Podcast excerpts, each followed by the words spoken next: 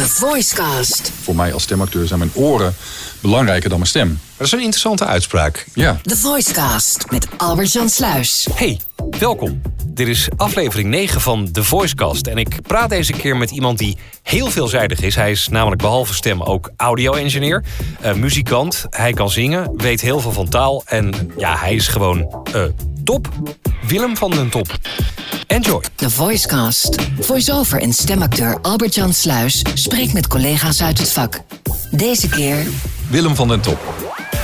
Ik ben eh, op eh, het randje van de Veluwe. eh, in Wageningen. Ik ben uh, zowaar uh, uit de Randstad gekomen. Want die kritiek kreeg ik dat ik iets te dicht bij huis bleef. Maar ik ben met alle plezier hier naartoe gereden naar ja, de Man Cave. De prachtige studio in het bos, in de schuur van Willem van den Top. Willem, waar ken ik jouw stem van? Napoleon. Napoleon. Burger King. Nieuw bij Burger King. De Kingbox. Uh, OutTV, als je daarnaar kijkt. OutTV's nieuwste docu-serie Fire Island. Fuego. Vanaf 2 oktober. Liberation Route. Het is de nacht van 16 juni 1943. Vanuit luchtbasis Botsford in Engeland vertrekt een squadron bommenwerpers richting Keulen. De grote tuinverbouwing, wat voorheen Rob Schoten tuinverbouwing was. In de tuin van Jan heeft Piet de smaak te pakken gekregen. Hij maait er lustig op los. Wees geluk, dat is ook een tv-programma. Toevallig net deze ochtend uh, opnames voor gedaan voor seizoen 9, geloof ik. Um, heel veel telefoonlijnen, althans de, de, de, de voice response van bedrijven. Wilt u een medewerker spreken? Toets dan een 1. Dat soort dingen. Um, en ja, bedrijfsfilms, animaties, commercials. De whole shebam. Ja. ja. En uh, hoe ben je in het vak terechtgekomen? Uh, vanuit de muziek. Mijn wortels liggen in de muziek. Dit, uh, als, als klein jongetje van een jaar of 7, 8 uh, zat ik naar Top op te kijken met Ad Visser. Dat was gewoon het enige uurtje muziek wat er op de televisie was per week. En nou ja, wat, wat de jongens van Mut deden en Sleet en zo, dat, uh, dat wilde ik. Glamrock. Ja, de Rubettes. Maar dat zie je er niet aan af uh, nu. Nou, met van die, met van die, met van die gigantische wijde pijpen en ja. een gitaar en lang haar en dan, um, en dan een, beetje, een beetje stoer lopen doen. Dat, uh, dat wilde ik. ik. Eerst ben ik orgel gaan spelen, want er kwam bij ons thuis een, een orgel in de kamer te staan, want mijn moeder ging dat doen. En daar heb ik op leren spelen, gewoon een beetje spelende wijs. Met wat zelfstudieboeken. En um, de, die gitaar bleef heel erg trekken. Toen ik 15 uh, was, kreeg ik een gitaar. Heb ik op leren spelen. Toen zat ik in de kortste keren in bandjes. En um, toen kwam ik erachter, gitaristen, er zijn er heel veel van. En toetsenmannen niet. En onze band had een toetsenman nodig. Nou, dan koop ik een synthesizer en dan ben ik vanaf nu toetsenman. En uh, daardoor leerde ik uh, een beetje het, het, vak van arrangeren kennen en liedjes maken zelf. Toen dacht ik, dat vind ik het allerleukst. Liedjes maken, muziek uh, zelf bedenken, componeren. Toen heb ik toelating gedaan voor het conservatorium in Utrecht. Heb ik een studie compositie gedaan. Of ben ik gaan doen. Heb ik niet afgemaakt, want ik kreeg een baan aangeboden.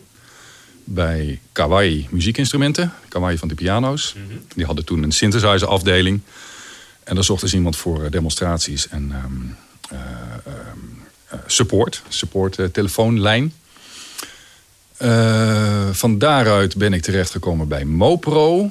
Die naam zeg je waarschijnlijk niks, maar dat was destijds de importeur van zo'n beetje alle muzieksoftware behalve Cubase. We hadden één grote concurrent, dat was Cubase. Verder deden wij Notator, Logic, Vision, van de dingen van opcoden, Music Quest, uh, Musicator, Band in the Box. Al die software voor Atari, wat, het, wat toen het ding was, en Macintosh en uh, PC. Dat kwam allemaal net op. Dus daar was ik heel erg, uh, daar zat ik heel diep in. En ik kreeg al uh, studio's aan de lijn die met die spullen werkten. Dus ik leerde ook heel veel studio's kennen. Um, en uh, zo leerde ik ook iemand kennen die op een gegeven moment zei... ze zoeken bij een studio een geluidstechnicus. Is dat wat voor jou? en um, ja, daar heb ik een gesprek gehad. En, en wat muziekjes gemaakt als, als toelating, zal ik maar zeggen. En was dat Lukien? Dat was Lukien. Ja, Lukien in Ede. In Ede. Ja. En ik woonde ook in Ede. En dat, ze zaten echt om de hoek voor mij. Dus het was... Terwijl ik had daar nooit van gehoord. Ik had die namelijk eens zien staan, maar het zei me verder niks.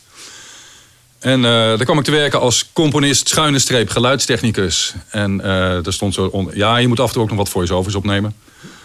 Um, waarvan ik dacht, ja, dat kan niet moeilijk zijn. Want ik bedoel, ik kan gitaren opnemen, ik kan drums opnemen. Dus ja, als je een hele band kan opnemen, ja, één ja. stem. Ja. En dus dat, dat hele vak zijn me ook niet zoveel. Ik had er nooit bij stilgestaan dat, eh, dat, dat je de hele dag door gesproken woord hoort. Ehm, dus daar kwam ik eigenlijk daar pas mee in aanraking. En in praktijk bleek het ehm, een heel groot deel van, van de dag voice-over opnames. Met het clubje stemmen dat toen de, de poet aan het verdelen was eh, op, met, met z'n achten of zo. Ehm, en zo heb ik dat vak leren kennen. En uh, hebben ook gezien hoe regisseurs met die stemmen omgingen, uh, de aanwijzingen die ze gaven. En het kwam natuurlijk voor dat ik uh, als geluidstechnicus alleen met een voice-over zat. De regisseur zei, ja, je moet het zelf maar even doen. Uh, dat is dat ik in één keer degene was die de aanwijzing moest geven. En soms ook geen andere mogelijkheid zag dan maar even voordoen hoe ik dacht dat het zou moeten. Wat je eigenlijk als stem nooit wilt. Je wilt, weet ik nu, het ergste is als iemand gaat voordoen hoe het moet.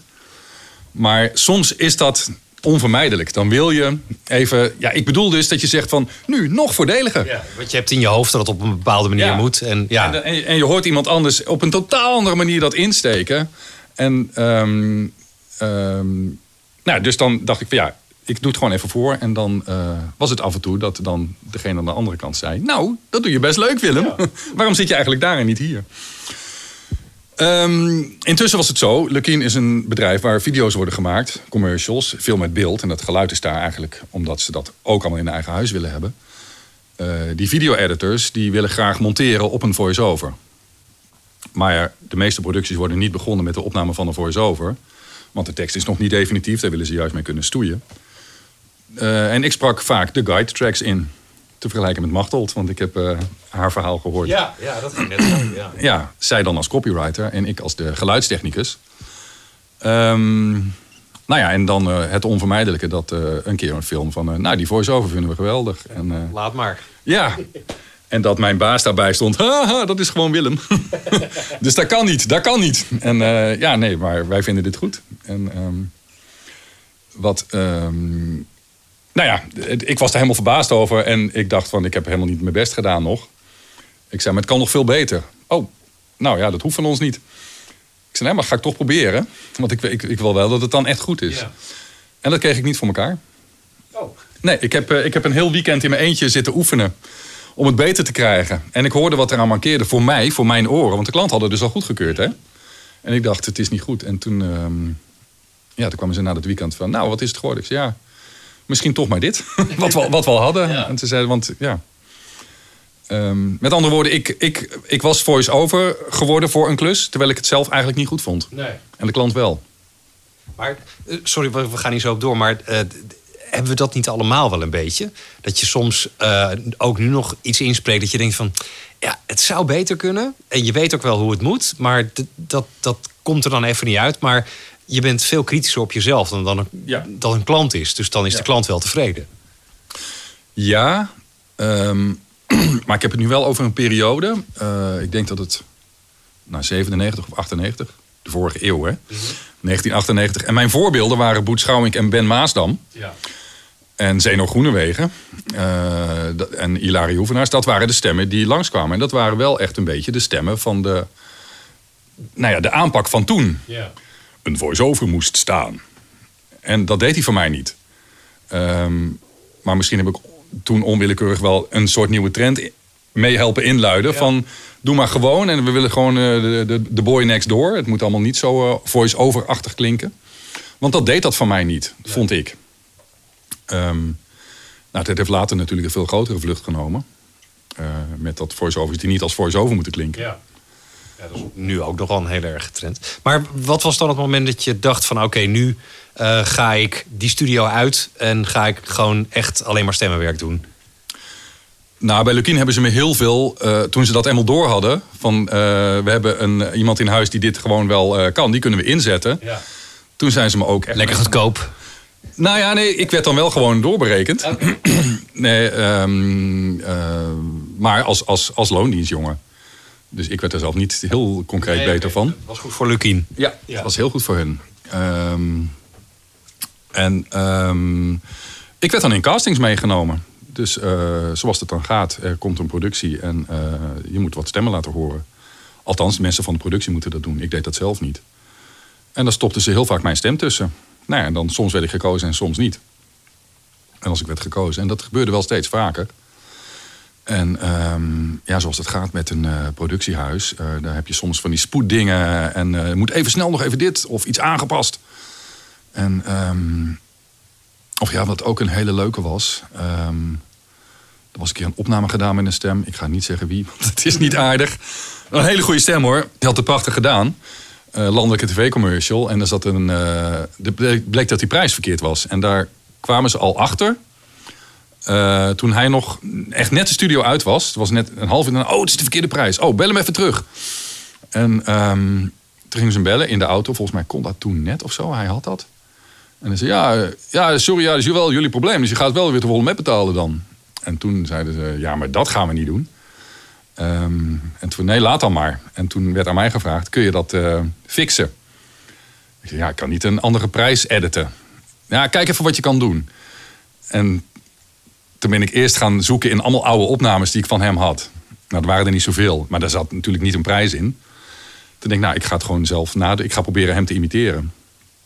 En uh, dat heb ik net zo lang gedaan. Gewoon in loop op mijn hoofdtelefoon meegesproken. En dan met de juiste prijs. En uh, uh, op een gegeven moment, nou ja, mensen erbij gehaald. Nou, volgens mij heb ik het voor elkaar. En toen, Willem, hoe heb je dat gedaan? Hoe heb je dat gedaan? Hoe dan? ik zei, ja, dat maakt niet uit. Het is het geheim van de editor. Ja. um, en toen later heb ik het wel verteld. Dus ja, maar waarom laten we hem dan komen als jij dat ook kan? Ik zei, nou ja, ik, ik kan niet wat hij kan. Ik heb gewoon dat ene stukje heb ik zitten imiteren. Ja. En het valt nu niet op, maar als het meer ja. moet zijn, dan is ja. het natuurlijk wel lastig. Ja, ik zei dus, dus dit is gewoon een beetje trucken. En um, uh, dat, dat maakt mij niet meteen een goede voice-over natuurlijk. Maar ja, zij keken daar toch anders tegenaan. Van ja, Willem kan dit. En uh, toen werd ik steeds vaker voor dingen ingezet. En dat ging ook allemaal wel goed. En um, nou ja, toen uh, kwam er een moment uh, dat ik dacht, eigenlijk gaat dit me veel beter af dan dat muziek maken. En zelfs beter dan dat uh, geluidsstudiowerk, wat ik allemaal heel erg leuk vond. maar als ik mijzelf als, als muzikant en componist vergeleek met andere componisten, nou, dan vond ik mezelf niet een waanzinnig supergoeie.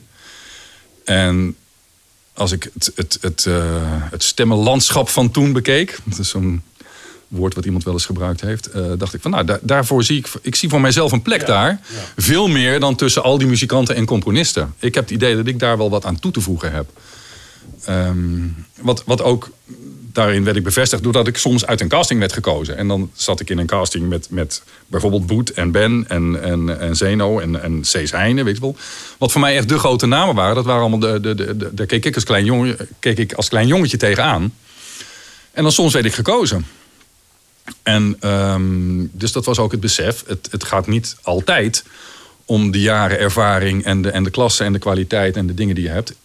Soms is een ander geluid precies wat iemand wil. Ja. Um, nou ja, en, en dat, ik was steeds vaker het geluid dat mensen kozen. En toen dacht ik, volgens mij moet ik hier gewoon fulltime nu uh, mee bezig gaan. En um, ja, dan ook maar gewoon voor mezelf. Ja. Want om, om fulltime in loondienst voice-over te zijn, dat is een beetje raar. Ja. en um, ja, toen ben ik uh, in oktober 2005 uh, bij wijze van spreken een bordje op de deur hangen, voice-over. Ja. En ging dat meteen uh, goed? Meteen veel werk?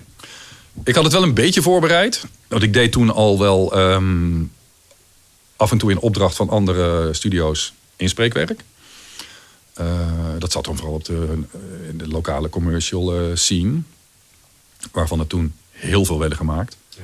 Wat nu bijna helemaal verdwenen is. Maar... Bijna helemaal verdwenen is. Maar ik heb weken gehad dat ik wel 15 lokale radiocommercials in een week deed.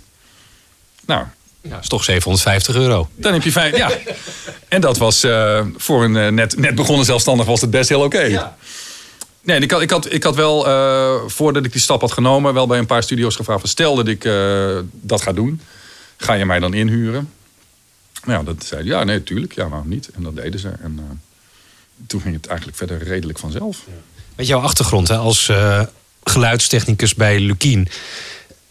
Kon je dat meenemen? Had je, heb je daar eigenlijk nog steeds wat aan? Als je... Ja, ja, ja. Wat heb je geleerd daar?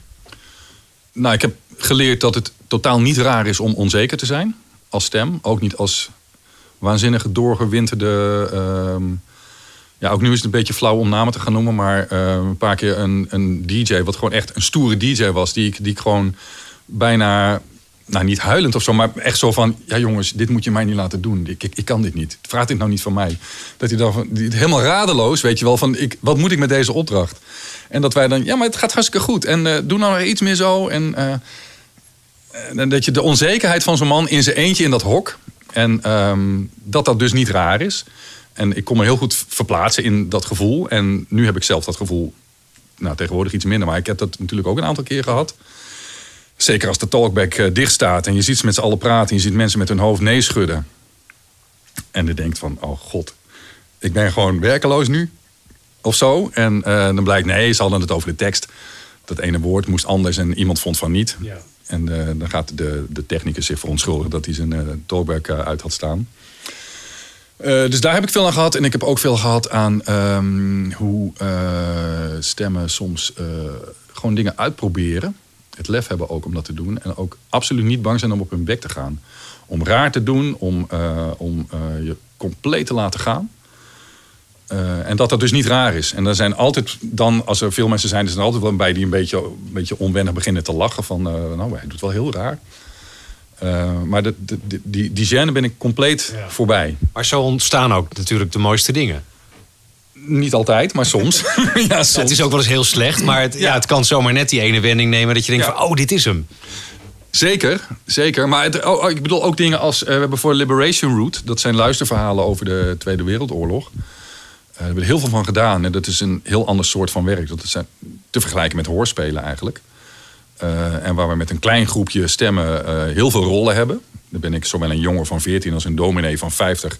en een Duitse soldaat en een Engelse soldaat enzovoort.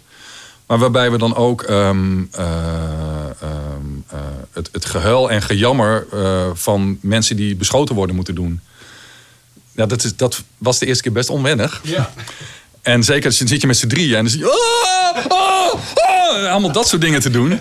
Maar dan moet het wel echt. Dat, dat is iemand die bevalt, volgens mij. Maar Oh, sorry. Oh, twee producties door elkaar. en ehm, dat zelfs de technicus een beetje zo zat van... Oké, het is wel een beetje gênant dit. Maar het, uiteindelijk dan hoort in de mix terug... en denk, ja, dit is het geluid wat je wil hebben. ja. Ehm, hoewel ik er natuurlijk destijds ook niet bij was. Wat, wat doen mensen die beschoten worden? Maar je moet iets geloofwaardigs vinden dan. Ja, en dan, en dan eh, staat alles in dienst van, ehm, van die opdracht op dat moment. En de, het, het resultaat moet neergezet worden. En dan is de rest onbelangrijk. Dus eh, of, je dan, eh, of dat gênant is of niet, dat is dan ook helemaal geen ding meer. Nog even over je werk vroeger als technicus. Heb je ook wel eens eh, meegemaakt dat je dacht van... Ja, deze stem die wil ik hier nooit meer terugzien? Je hoeft geen naam te noemen, maar, Nou, ik ga nu namen noemen. Nee. maar, waren sommige stemmen misschien vervelend of arrogant of niet leuk om mee te werken? Nou, wat, wat, wat eh, sommige stemmen doen ehm, tijdens een inspreeksessie over geld praten, dat vind ik echt no-go area. Zeker als de klant erbij is natuurlijk. Ja, of alleen maar, ehm, weet je wel, dan dan zijn er twee commercials gedaan. Ja, we hebben nog één variant, zou die ook kunnen? Ja, dat kan, dat kost dan wel extra. Dat snappen jullie ook, hè? Ik bedoel, dat vind ik echt niet kunnen. Nee. En dat, is, dat geeft zo'n ontzettende domper op de sfeer die op dat moment hebt geprobeerd neer te zetten. Want dat is dan, vind ik, een hele belangrijke rol van een geluidstechnicus. Om te helpen die sfeer te bepalen. Ik heb die eh, rol zelf altijd heel serieus genomen. eh, om- omdat ik mijzelf als geluidstechnicus als de verbindende factor zag tussen die stem achter het raam en eh, de rest van de mensen. Ja. Ik richt me als ik in zo'n setting zit ook vooral op de technicus, Ja. merk ik. Ja. ja, omdat ze ook dan de mensen achter die technicus. Kan hij het ook nog wat langzamer? Ja. Terwijl de microfoon staat Als een doorgeefluik eh, gebruikt, ja. Ja, hallo, ik zit hier hoor. Je kan gewoon tegen mij praten.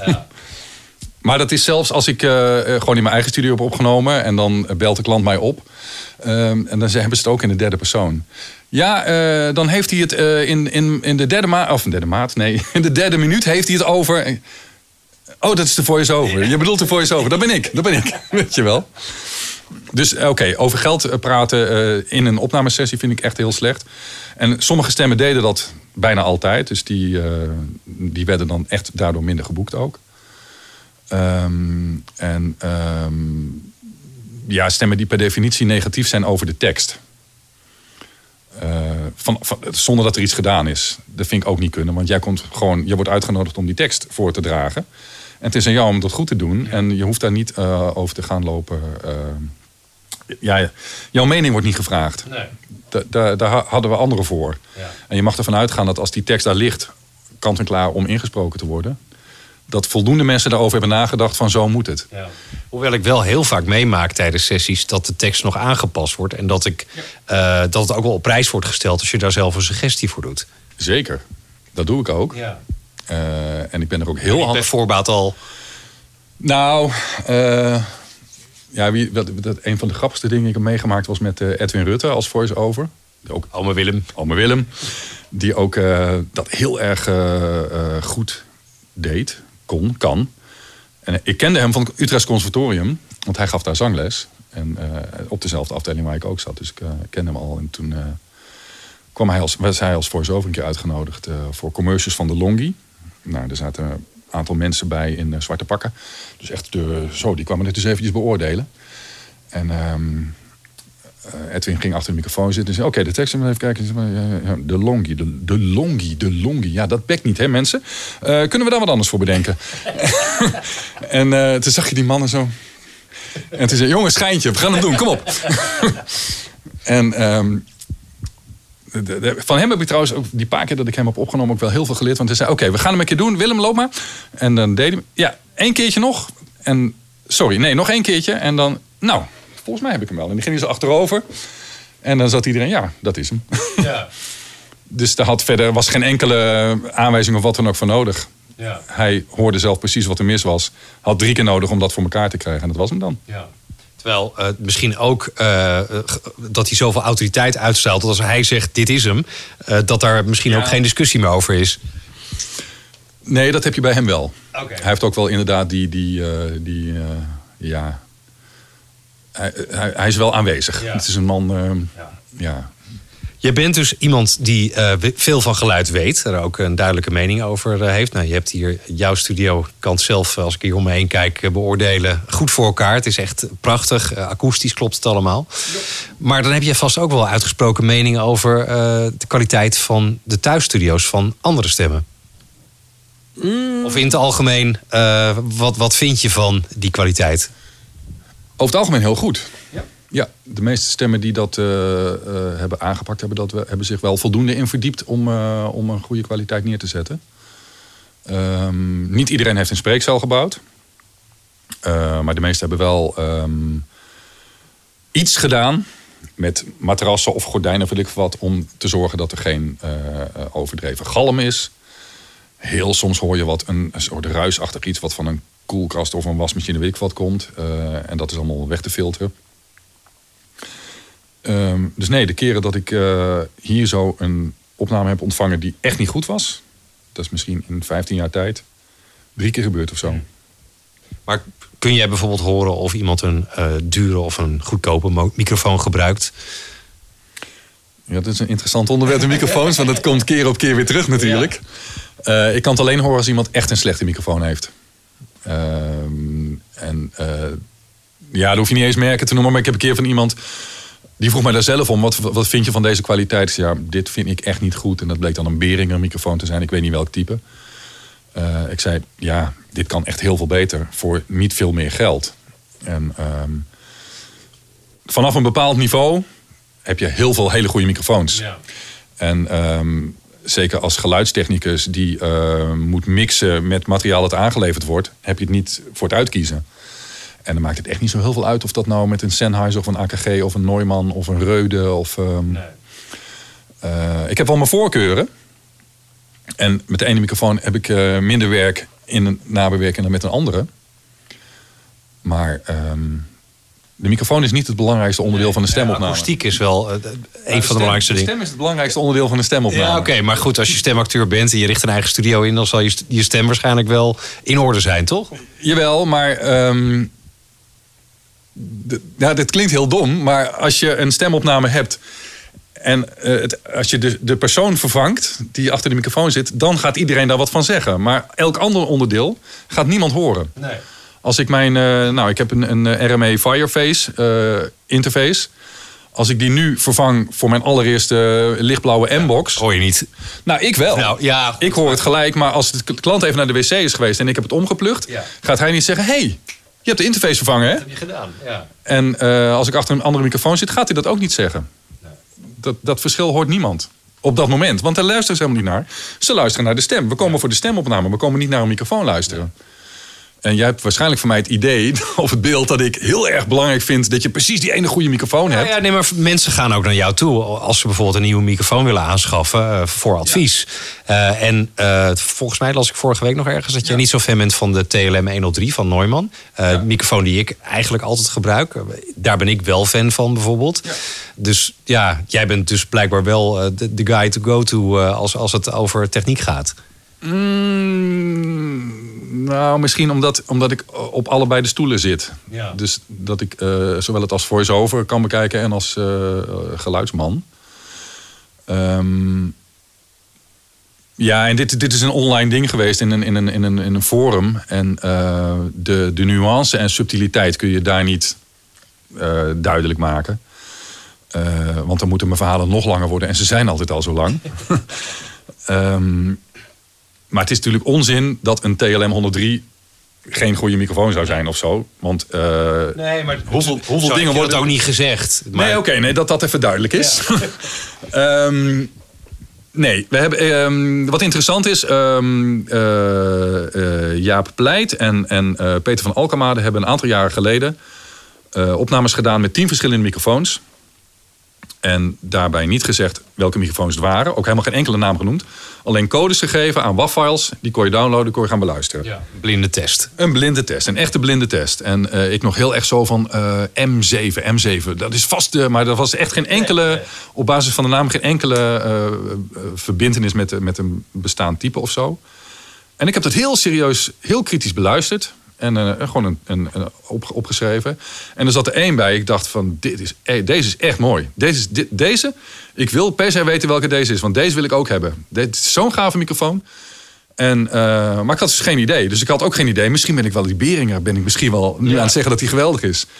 Dus ook daar moet je maar gewoon durven met je billen bloot te gaan. En geef je maar over. En wees gewoon eerlijk. En, en laat al het gelul achterwege. En ga niet lopen zeggen van... eh, ja, je moet een Neumann hebben, want eh, die is heel duur. En eh, alle andere grote jongens zeggen dat je een Neumann moet hebben. Ehm, maar ik zeg ook niet, je moet geen Neumann hebben. Want er staan Neumanns in zoveel studio's. De 103 is niet de duurste Neumann, hè? Nee, er is nog wel een verschilletje met, eh, met de U87. Ja, ja. ja, ja. Ehm, en ehm, loopt hij nog? Ja, ja. Oké. ja, is toch Ik kijk even op de recorder. Hoef je niet te benoemen. Oh, sorry. nee, maar dat is de techniek is in jou. Ja, ja, ja, ja, Lopen we eigenlijk nog wel? Misschien moet jij het gewoon in de gaten houden. Of alles Ja, ik zie wel het lampje branden. Ja. En eh, misschien, is dat rode? Is dat klippen? Kap. Ja, ja, Kap. Ja. Oké, maar dat kunnen we tegenwoordig ook fixen. hè, Met Ja. isotoop. Ja. Die kunnen, clipping kunnen we Nou, verwijderen. over die isotoop eh, ge- gesproken. Dat is inderdaad een, een, een, eh, eh, een eh, plugin waarmee je heel veel geluid kunt restaureren, zeg maar. Ja. Wat mij opvalt als ik eh, files van andere stemmen binnenkrijg, want dat krijg ik ook wel eens, eh, dan vind ik die files vaak heel smerig met heel veel smakjes en kraakjes. Ja. En, eh, Ja, smakjes, dat, eh, smakjes zijn een dingetje. ja, maar ik, ik haal dat er zelf meestal wel uit. Ik ook. Ja. Omdat het ook vaak eh, er niet meer uitgehaald wordt. Ik hoor ook heel veel commercials op de radio. Valt het met name op, omdat daar alles ook heel erg wordt opgepompt nog. Ja. Omdat het door eh, de compressor heen gaat. En dan nou, de, de ene smak na de andere. Elk aanzetje, elk klikje, Ja. tikje hoor je. ja, en het zit precies in het frequentiegebied dat heel erg opge, opgetild wordt in, eh, in, in radio vooral. Dus dan, eh, dan knallen ze om je oren inderdaad. Dus dan denk ik van nou, laat ik het er maar uithalen. Want anders doet misschien niemand het. Ja. Nee, ik doe dat ook, altijd. Want ik, ik kan er ook echt niet tegen. Ik ben er echt allergisch voor. ja.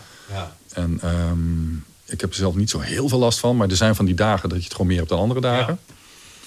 Ehm, ik heb het idee dat vrouwenstemmen er meer last van hebben dan mannenstemmen. Ja, dat zou kunnen. Ik heb het vaak op de W. De, de, de- aan het begin van de W zitten altijd wat, wat, Oh. wat puntjes. Dus die moet ik even schoonmaken. En vaak voor klinkers. Dus voor de O en de A en de... de- daar, ja, het gebeurt iets in mijn keel, denk ik, waardoor er een klein klikje komt. Maar die, die staat ook los van de rest, zeg Ja. maar. Dus Ja, makkelijk weg te knippen. ja. Oh, dat heb je met Willem en Wageningen heb je nog wel een eh, klus, jij. ja, ja. Ja. Ehm, maar ja, in, in Isotope eh, RX7 specifiek heb je tegenwoordig de mouth declicker. Eh, en dan laat je hem, die plugin laat je een keer los. En eh, als je hem iets te extreem hebt ingesteld, zijn ook alle T's weg. bij Willem van der Op.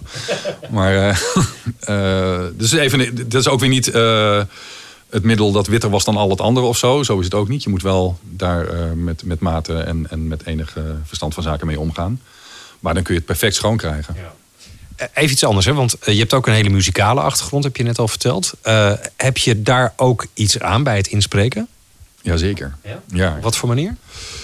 Ehm, nou ja, ik, heb ook een tijdje zangles gehad, ooit. Echt toen ik eh 16, 17 was.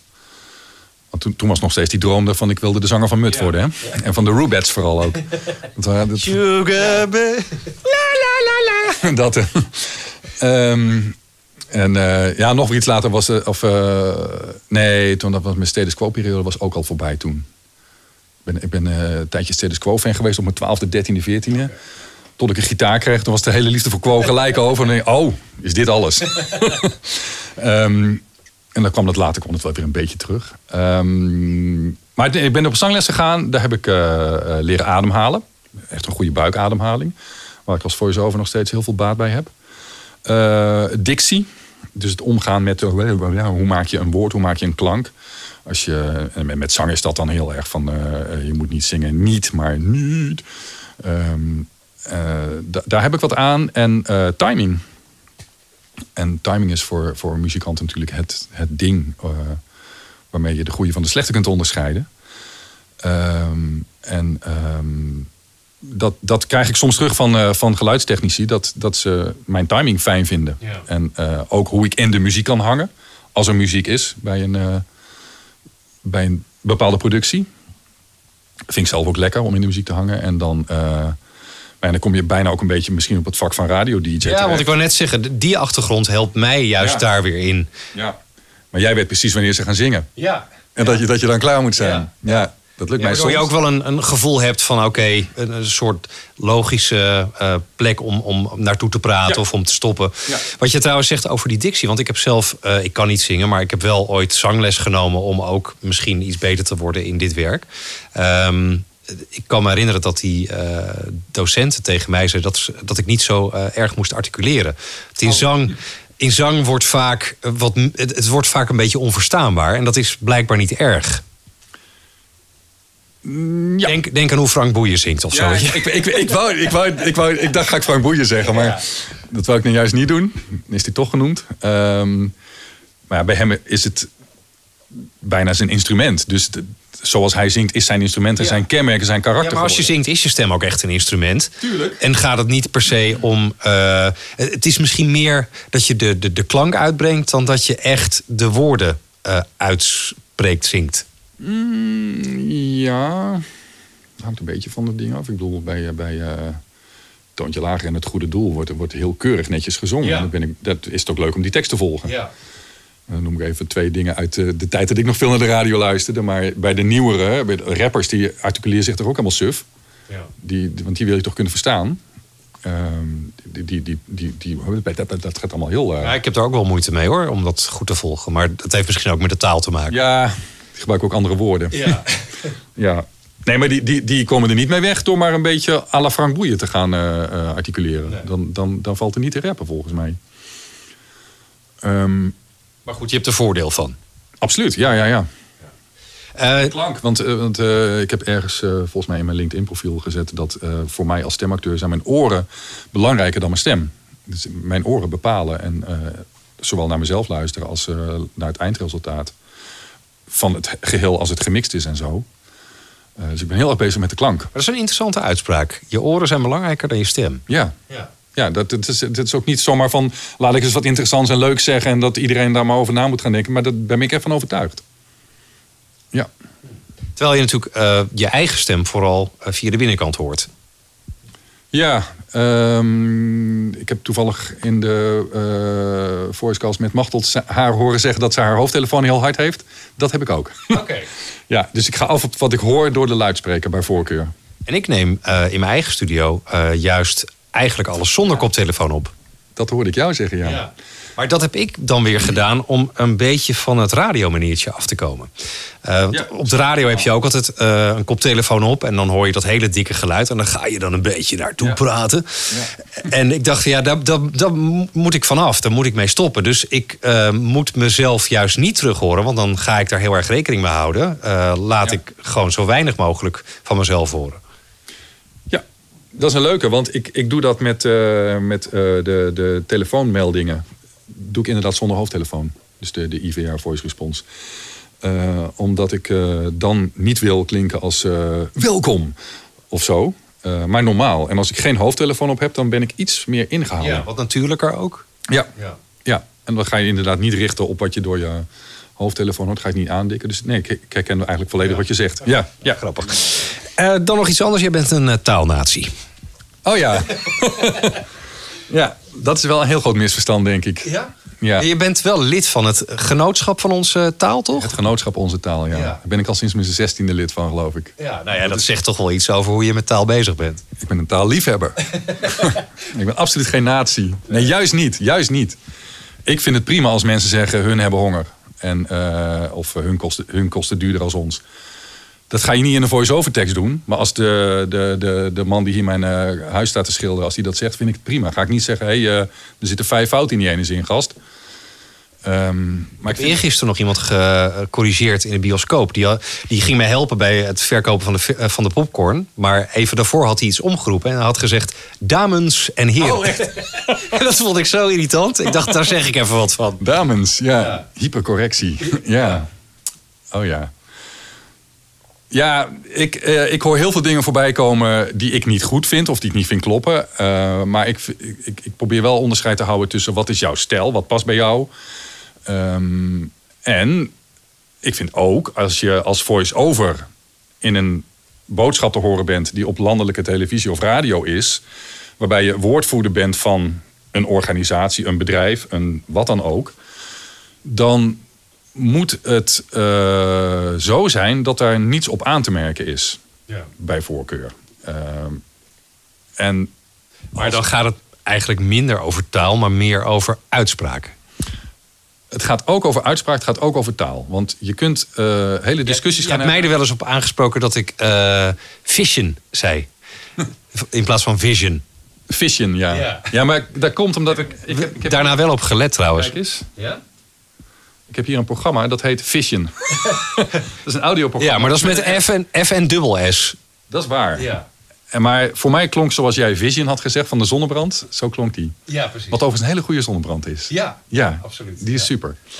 Maar dat is ook gewoon Noord-Hollands. Ja. Jij bent een Noord-Hollander. Ja, en, ja, eh, Amsterdams bijna. ja. Ik- dat is wel iets, maar mede daardoor ook ben ik daar wat meer op gaan letten. Want mijn eh, Z werd ook vaak wel een S. En, en de, de, de V een F, of, of andersom. De, Ja. Ja, maar bij die Vision viel het me op. Ja. Maar verder eigenlijk bij andere dingen die ik bij jou hoor nooit. En dan is het gewoon, ja, dat is gewoon, dat hoort bij jou. Ja. Ik ga ook niet zeggen van, ja, er zit een beetje grijs daar in je haren of zo.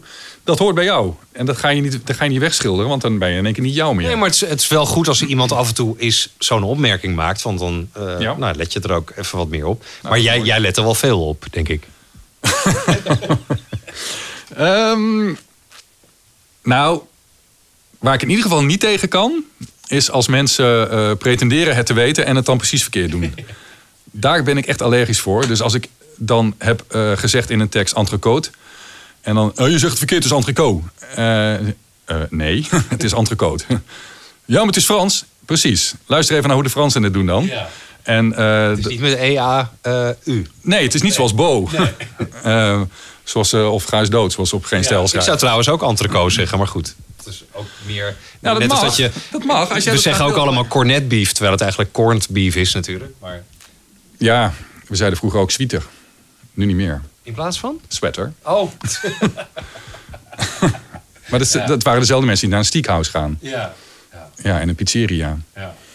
Ehm, en, maar dat is een ding, want eh, in hoeverre ga je daarin mee? En als een klant per se wil dat ik hygiëne zeg, dan doe ik dat. Maar als, als er geen discussie over is geweest, dan zeg ik hygiëne. Want dat vind ik het meest logisch. En ehm, ik heb ook nog in de allereerste fase toen ik opnam, dus dat was dan nou, eind jaren negentig, heb ik wel eens accessoire gezegd. Dat, dat bestond toen nog. Dat kan nu niemand zich meer voorstellen. Iedereen zegt nu accessoire, maar we zeiden ooit accessoire. Accessoire, ja. Ja, taal ontwikkelt zich natuurlijk Ja, ook. tuurlijk. Maar niet altijd even logisch. Nee. Die ontwikkeling van zij hebben naar hun hebben, die is verklaarbaar. Die heeft, dat, dat is niet voor niks dat mensen dat doen. Dat is om het onderscheid tussen ehm, zij enkelvoud, wat een vrouw is, één vrouw, of zij meervoud, wat heel veel mensen zijn. Ja. Maar wat ook dieren kunnen zijn, of tafels. Dat is ook, zij staan daar. Ja. En als je zegt hun, dan kunnen dat alleen maar een groep mensen zijn Ja. in meervoud. Dus dat heeft een functie. En daarom vind ik het een prima ontwikkeling. En die ontwikkeling, en dat is waar ik als eh, lid van het genootschap Onze Taal wat aan heb. Die ontwikkeling hebben we ook gehad. Ik dat is meer voor Hully, maar goed. Mag ook. Ja, zeker in deze, in deze buurt mag dat. Nee, maar die ontwikkeling is er al eerder geweest met eh Gij. Ja. Gij is vervangen door u, wat derde en vierde eh, naamval was. Of nou, eh meewerkend. Niemand zegt meer Gij, behalve in Brabant. Eh, en die hebben we, er- is nu niemand meer die zegt van eh, u bent. Nee, Gij zijt. ja.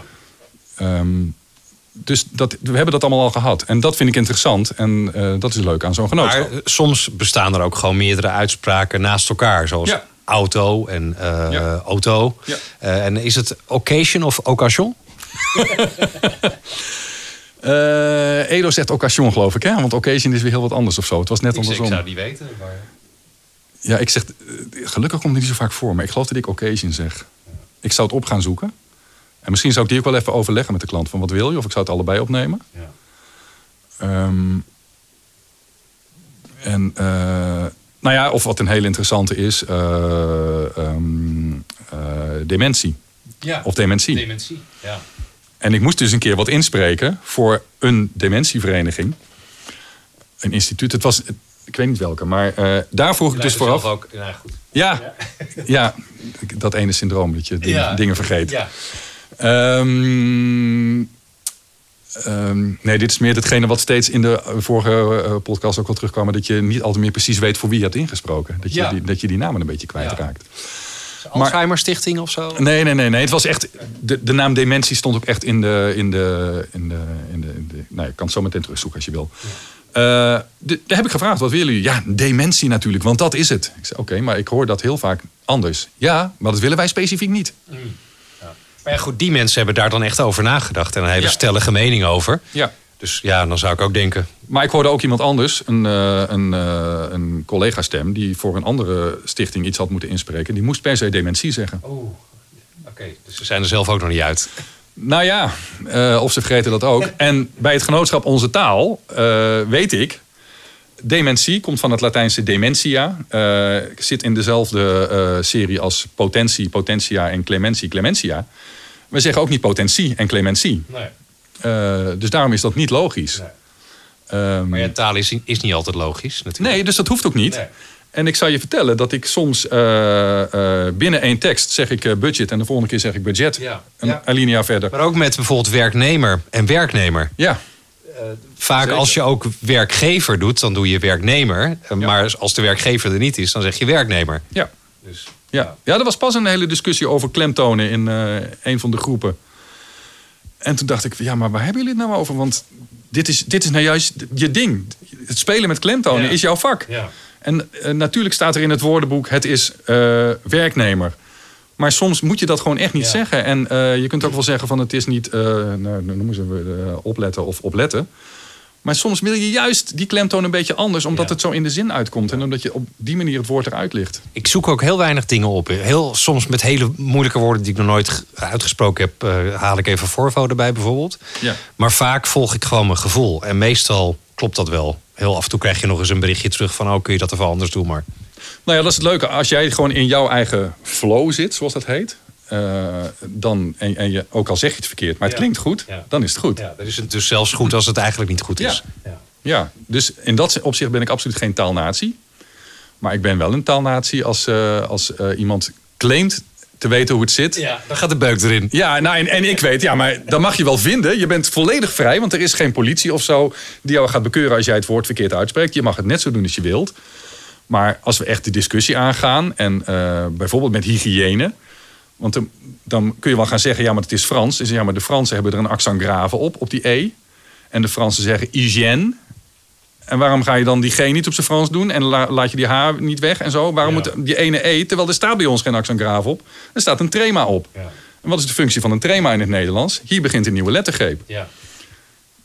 Alsof er een streepje tussen zou staan. En dan zie je ene, zie je daar staan. Er is geen enkele reden om dat als N uit te spreken. En er zijn toch mensen die... Ja, maar zo heb ik het wel altijd geleerd. Ja, nee. Van wie dan? Ja, ja zo, ze bedoelen, zo heb ik het altijd gehoord, natuurlijk. Waarschijnlijk. Ja. Ja. Er is nooit een leraar Ooit Nederlands geweest waarschijnlijk die Nee. gezegd heeft het moet zo. Nee. Dus nogmaals, als een klant aan mij vraagt... kun je alsjeblieft hygiëne zeggen? Want dat vind ik veel mooier. Pas moest ik eh, een hele tekst overdoen. Want ik had intrige gezegd. Ik kwam er een paar keer in voor. Moest toch echt intrige worden? Eh, ik zei, eh, weet je dat zeker? Ja, want het is Frans. Ik zei, ja, weet je hoe de Fransen het uitspreken? Intrigue. Niet intrige. Het is niet een horloge of zo. Ehm, ja, ja, maar nee, maar dit vind ik, intrigue vind ik echt heel raar klinken. Ik zei ja, dat vind ik intrigerend dat jij dat raar vindt klinken. En, eh, ik, zeg, maar, maar, maar ik, ik, ga niet, ik ga niet moeilijk doen. Ik wil je alleen ik wil je, dat je erover nagedacht Ja. hebt dat het een bewuste keuze is. Maar maak je het jezelf dan eh, eigenlijk niet te moeilijk af Ja, en toe? Zeker, ja, ja, ja. Want doordat ik eh, het vaak doe eh, zoals ik denk dat het moet, is het vaak ook zoals de klant denkt dat het moet. Ja. Maar jij hebt er dan nog een paar keer over nagedacht en besloten om het anders te doen, waardoor je wel het risico loopt dat de klant daar ook eerder over valt. Ja. ja. Nou, bij deze intrigue, dat was zo'n twijfelgeval. Ik denk, ik doe hem gewoon zo. En ik hou er rekening mee dat ze hem anders willen. Ja. Eh, bij hygiëne ga ik niet meer in discussie. Doe ik het gewoon zoals ik vind dat het moet. En als iemand later zegt, maar dat komt eigenlijk niet meer voor. Want het klinkt als je gewoon... eh, eh, we denken ook aan een goede hygiëne en aan de PBM's. Want we volgen altijd PBM's op hygiëne enzovoort. In die, dan gaat, dat klinkt niet raar. Er, er is niemand die daar wat over zegt. Het wordt weer anders als je zegt van we hebben er geen budget voor. Of ja, ik zeg altijd budget. Oh, oké. Ja, mag ook. Ik doe ze vaak gewoon even allebei als ik het niet weet, bij, bij dat soort woorden. Ja. En Tenzij ze honderd keer in de tekst staan, maar als het gewoon één regeltje is, nou, dan pak ik hem nog een keer op. dat is voor een geluidsman dan weer niet zo fijn. Oké. Want als ik die Daar opnames hou jij dan weer rekening mee natuurlijk? Ja. Daar probeer ik rekening mee te houden. Eh, dus als ik het dan doe, dan doe ik één versie helemaal met de een en nog een versie helemaal met de ander. Dan heeft die geluidsman kan gewoon één file pakken, één file pakken. Want wat in editing best wel irritant is, is dat je eh, eh, vier mogelijkheden achter elkaar krijgt in één opname. Oké. Vind ik als geluidstechnicus niet fijn. Ja, terwijl sommige klanten dat juist ook weer heel erg fijn vinden. Want die eh, horen dan eh, ja, dat ene zinnetje even vijf keer achter elkaar. Oké, ik neem die, dan de volgende. Ik neem Ja. die. Ja, dat eh, heb ik in het begin eh, ook vaak zo gedaan. Tot ik erachter kwam als geluidstechnicus. Ja, dit is super irritant. Want je, je, je, gaat, je haalt jezelf als voice-over ook uit de flow. Je spanningsopbouw klopt, klopt niet meer. Nou, ik probeer wel een, een, een tekst zoveel mogelijk in één keer te doen. Maar je hebt vaak bij commercials dat dan het eerste zinnetje net even anders is of zo. voor- Ja. Om de aandacht te trekken. Ik denk van nou, dan doe ik daar even drie of vier versies van. En dan het hele verhaal dat er achteraan komt. De eerste zin wel, dat is een goeie. En de laatste zin ook. ja de Ja. payoff bijvoorbeeld, Ja. die wil je ook even kunnen Ja. kiezen. Ja. ja. Hey, we gaan even een spelletje doen. Herken de stem. Herken de stem. Herken de stem. Ik laat jou eh, drie stemmen horen en eh, de vraag is eh, wie zijn het? Ik denk dat je het niet heel moeilijk vindt. Eerst de eerste. Waarom zou je meer betalen? Pak je korting bij actievandedag.nl. Nou, Blijf stil. eh, Je kent hem al heel goed. het is niet Erik Westerop. Jawel. Ja, Ja, zeker wel. ik ken hem niet zo goed in deze rol. Oké. Ja, deze loopt momenteel heel veel. Maar, eh, Oh, echt? de volgende. We laten ons tussen de lakens steeds vaker verleiden door onze mobiel. Ja, dat is Kira. Ja. Kira Marco. Kira Marco. Die ook hier in de buurt woont, toch? Ja, Kira was bijna familie van me. Oh, hoe zou dat? Ja, Kira heeft eh, nou een jaartje of zeven, acht. eh, ja, verkering heet dat dan niet meer. Dit is gewoon, is gewoon de vriendin geweest van de, de broer van mijn vrouw. Oh, oké. Ja, we hebben ook op dezelfde school gezeten. Ja, dus Kira ken ik heel goed. Kira ken ik al van ver voordat zij eh voice-over was. Wat grappig. Dat is Ja. toch ja, toevallig eigenlijk. Dat is wel toevallig. En eh, ik heb een hele leuke anekdote. We hebben vast geen tijd meer voor, maar een knipje in de hart. Oh. Ehm, zij ging eh, Academie voor Expressie doen. Ze wilde actrice worden enzovoort. En dacht van dat voice-over lijkt me ook wel wat. Toen zat ik bij Lukien als technicus. En ik had gezegd, kom maar een keer langs voor een demo. Daar gaan we aan het oefenen. En eh, toen heeft ze wat dingen ingesproken. toen heb ik gezegd, dit eh, is echt nog niet goed. dit, eh, je hebt echt nog wel even wat tijd nodig, want luister maar. En toen liet ik de stemmen horen die veel werk hadden op dat moment. Beatrice Sluiter, Eva Zijlstra, Tuffy Vos. ik zei, kijk, en zo klink jij niet. Nee. Nee, nee, nee, ja, goh, nou ja, nou ja, dan moet ik nog maar weer oefenen. En het is echt twee of drie maanden daarna werd zij, stem- Ben. Ja, werd zij de stem van Ben. Die het zij- juist ook heel anders deed. deed zij precies datgene waarvan ik had gezegd, zo moet je het niet doen. Ja. En van grote kracht. Ja, Ja. en eh, dat was ook wel echt het begin van een nieuw tijdperk in, in de voice-over wereld. Ja. Eh, en voor mij een hele goede les dat ehm, de beste en de slechtste stem bestaan helemaal niet. Er is een geschikte stem voor een bepaalde klus. Ehm, en ehm, met te zeggen van ik heb al twintig jaar ervaring en ik heb 3000 klussen gedaan. Dat is geen reden om jou te boeken voor die volgende. Nee. Hoe jij die volgende klus doet, dat is de reden om jou te gaan boeken. Ja. Ja. En eh, soms is dat beter met een stem die geen ervaring heeft of weinig ervaring heeft. Maar wel, eh, wel eh, de, de kwaliteit, want zij deed al aan zingen en ze kon dat acteren. Dus het was niet, ze was niet zomaar van de straat geplukt of zo. Nee, maar ik weet nog wel, toen die campagne van Ben begon... dat ik ook zelf, want ik zat toen nog niet echt in dit werk... maar dat ik wel meteen dacht van, oh, wauw, weet je wel, dit, dit Ja. klinkt wel waanzinnig. Wat een, wat een mooie stem. Ja, ja het- het- het, eh, dat was ook wel zo. Maar ik zat in een eh, wereld toen. eh, ik zat ook maar gewoon op een plek waar ik moest doen wat me opgedragen werd. En waar ik moest zorgen dat aan het eind van de dag de klant zijn goedkeuring gaf. En, eh, en daarin moest het gewoon ja, zo. en waar de regisseur eh, bij de vijfde take, waarbij ik dacht, nou het kan wel iets rustiger, waarbij de re- regisseur, jongens, mag wel wat wervender, hè? Even een beetje, we zijn wel aan het verkopen, hè? En eh, dan in één keer dat geluid, ja, Ik, ik, ik zag mijzelf dat niet zo gauw eh, goedgekeurd krijgen. Ehm, terwijl in, in diezelfde periode, ik denk dat het echt in hetzelfde jaar geweest is, kwam er een campagne van Enertel. Geen idee waar dat bedrijf gebleven is overigens. Eh, met Jetske Mijnten. Mijnse, Mijnten.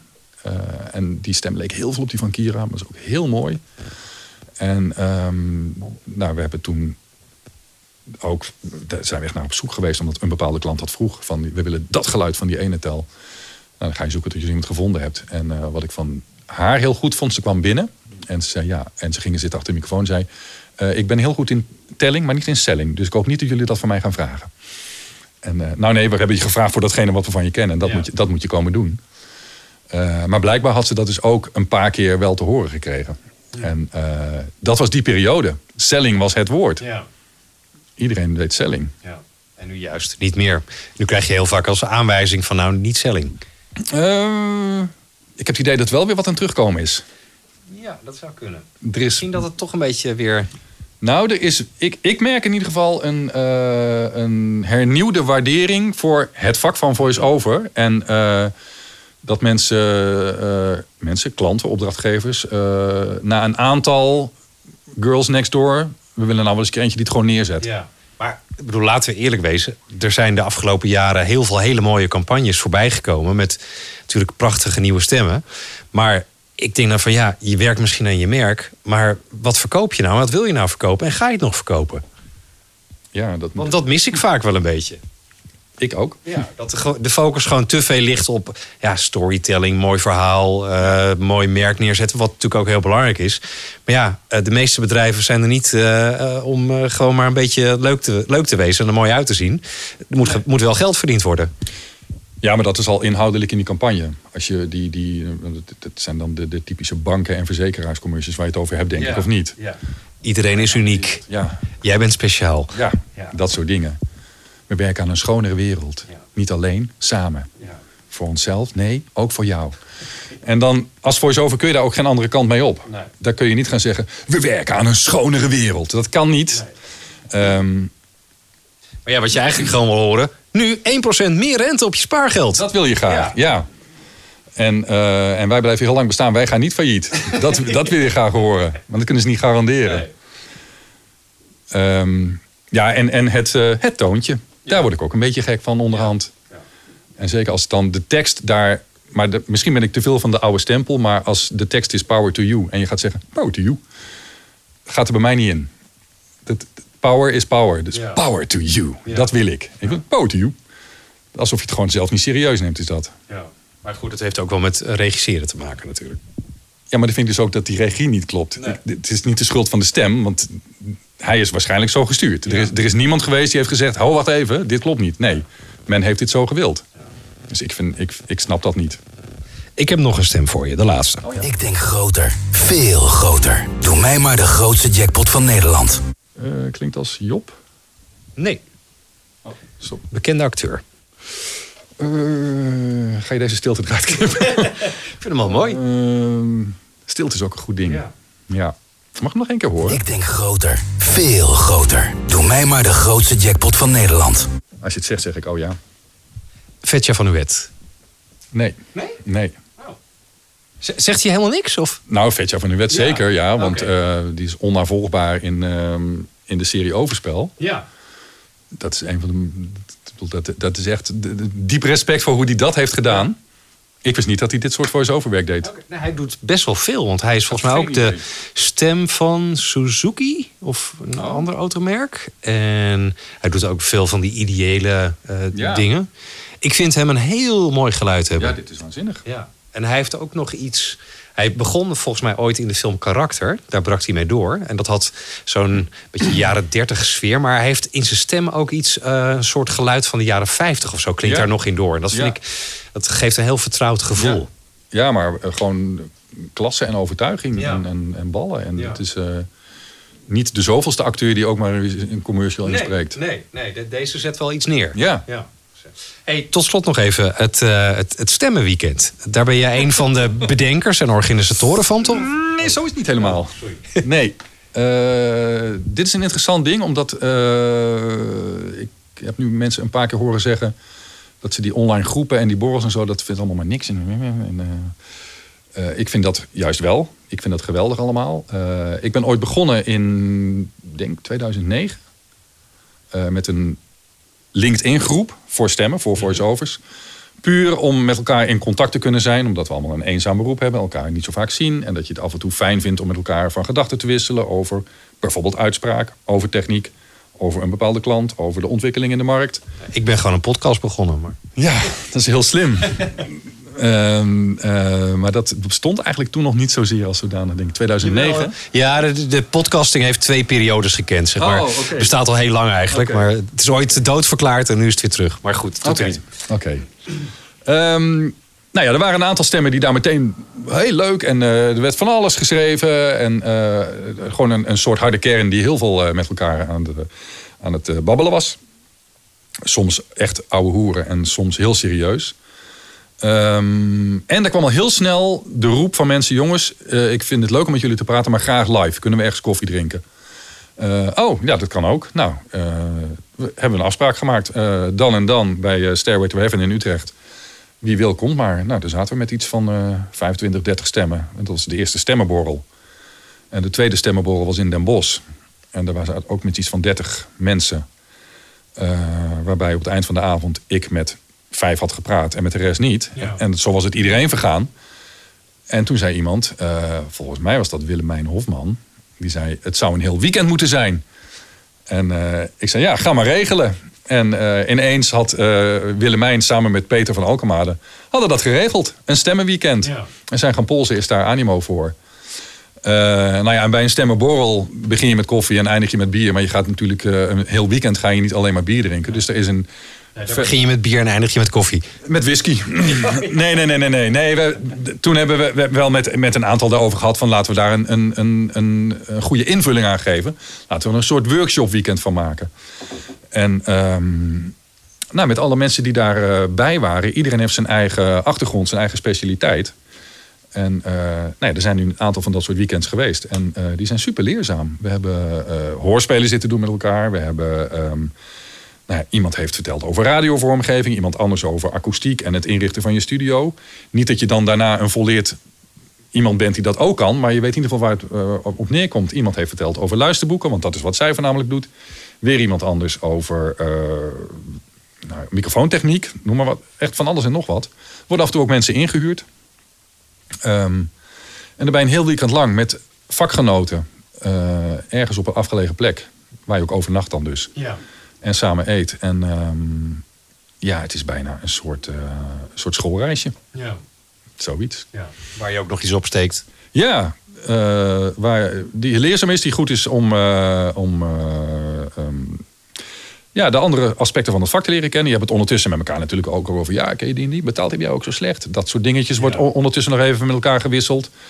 Ehm, je luistert naar elkaar. Dus je leert ook mensen die je niet zo goed kent, leer je kennen en hoort wat ze doen, wat ze nog meer in huis hebben. Eh, en dat komt je weer van pas op het moment dat iemand vraagt van... eh, zeg, we zoeken iemand die eh, een heel hoog geluid heeft, maar niet zo... we hebben, oh, wacht. Ja. Drie jaar geleden heb ik die en die. Die moet je hebben. Ja, Ja, oké. dus dat speelt ook nog een beetje mee. En ehm, ja, het is, het is, de- de- er is een bepaald soort stemmen dat dit leuk vindt. Dus ik, ik, ik, ik kan zo een aantal aanwijzen voor wie het niks zou zijn. Nee, nee, ik, ik, ik, ik eh, ben eh, wel gevraagd om, om een keer mee te gaan. En ik, Ja. ik- nou ja, ik denk er nog steeds over na, maar ik... Ik denk dat jij het heel leuk zou vinden. Ja? Oké. Oké. Nou ja, misschien gaat het toch... Dat eh, het heel ongedwongen is. En ehm, eh, je wordt volledig vrijgelaten. Want het zijn allemaal eenlingen per definitie. Die dan in een groep zitten. Ehm, en eh, ja, als jij ervoor kiest om de hele dag op je bed te blijven liggen... en alleen met avondeten even te verschijnen, dat kan. Kan ook. Die ruimte heb je. Heb je een eigen kamer eigenlijk? Of? Ja. Ja, oké. Nee, Ja. Hey Willem, eh, dank je wel. Ik eh, vond het een leuk Dankjewel. gesprek. Zeker. Heel goed. De Voicecast met Albert-Jan Sluis. Willem, dankjewel voor een eh, top voicecast. En eh, ja, mocht je een keer eh, in de buurt van Wageningen zijn... ga zeker een keer langs bij Willem. Want die studio van hem, daar in de schuur achter het huis... daar tussen die bomen in het bos... het is echt een fantastische plek. Dus eh, ja, echt de moeite waard om even te gaan kijken en luisteren natuurlijk. Wil je de Voicecast volgen? Doe dat eh, via Facebook, eh, Twitter... en vergeet jezelf natuurlijk niet te abonneren in je favoriete podcast player. Graag tot de volgende keer.